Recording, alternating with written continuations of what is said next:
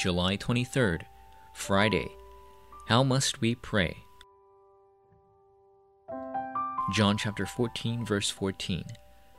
You may ask me for anything in my name, and I will do it. There are many people who say that they try to pray, but it doesn't work for them. Jesus told us to pray, but we feel burdened by it because it feels difficult to pray. If we pray, we will receive answers and blessings will come. If so, then how must we begin prayer? Number one, prayer of connecting with God. Praying will become easy if we pray with the knowledge of the fact that we are equipping ourselves with the reasonable attitude of lifestyle of the successful. First of all, thinking and taking some time off before God and deeply praying about our circumstances and prayer topics is a scheduled prayer that connects us with God. Enjoying the time to connect with God and envisioning God working in the world through the most comfortable time once a day is scheduled prayer. If we have the mindset to pray even briefly in the midst of our daily lives, we will gain wisdom. This is the continuous prayer that we are to enjoy in our lives. Last but not least, grabbing hold of and applying the word that God grants us during worship is worship prayer. If we begin these three prayers in our real life, answers will continue to come. Number two, prayer of enjoying the gospel.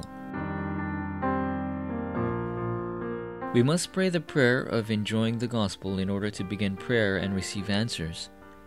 Prayer of enjoying the gospel is praying as we remember the blessings that are in Christ. In Him, we pray for our entire schedule and for the people that we meet. In addition, praying as we hold on to the authority that overcomes the spiritual state of unbelievers and discerning what is best in the gospel is the prayer of enjoying the gospel. All the doors will open if we discover the reason to pray and begin the prayer of enjoying the gospel.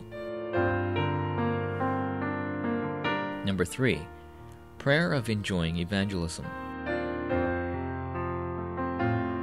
Our eyes will open if we begin the prayer of enjoying evangelism. We will come to know that all events, all people, and all circumstances become the door of evangelism. If we equip ourselves with a reasonable attitude of our lifestyle, we will not waver and instead begin to see this blessing. It is from this point on that the doors of evangelism will open, and evangelism will be connected to everything that is related to us. We will restore the sense of specialty through which our studies, job, and work become connected to evangelism. We will discover the hidden spiritual problems through deeper prayer. And as much as our spiritual problems are discovered, we will be able to begin special prayer. Let us not be discouraged because of our hidden spiritual problems. But instead, if we correctly enjoy the blessing of prayer, the answer of healing will come. Forum topic How are you putting prayer into action?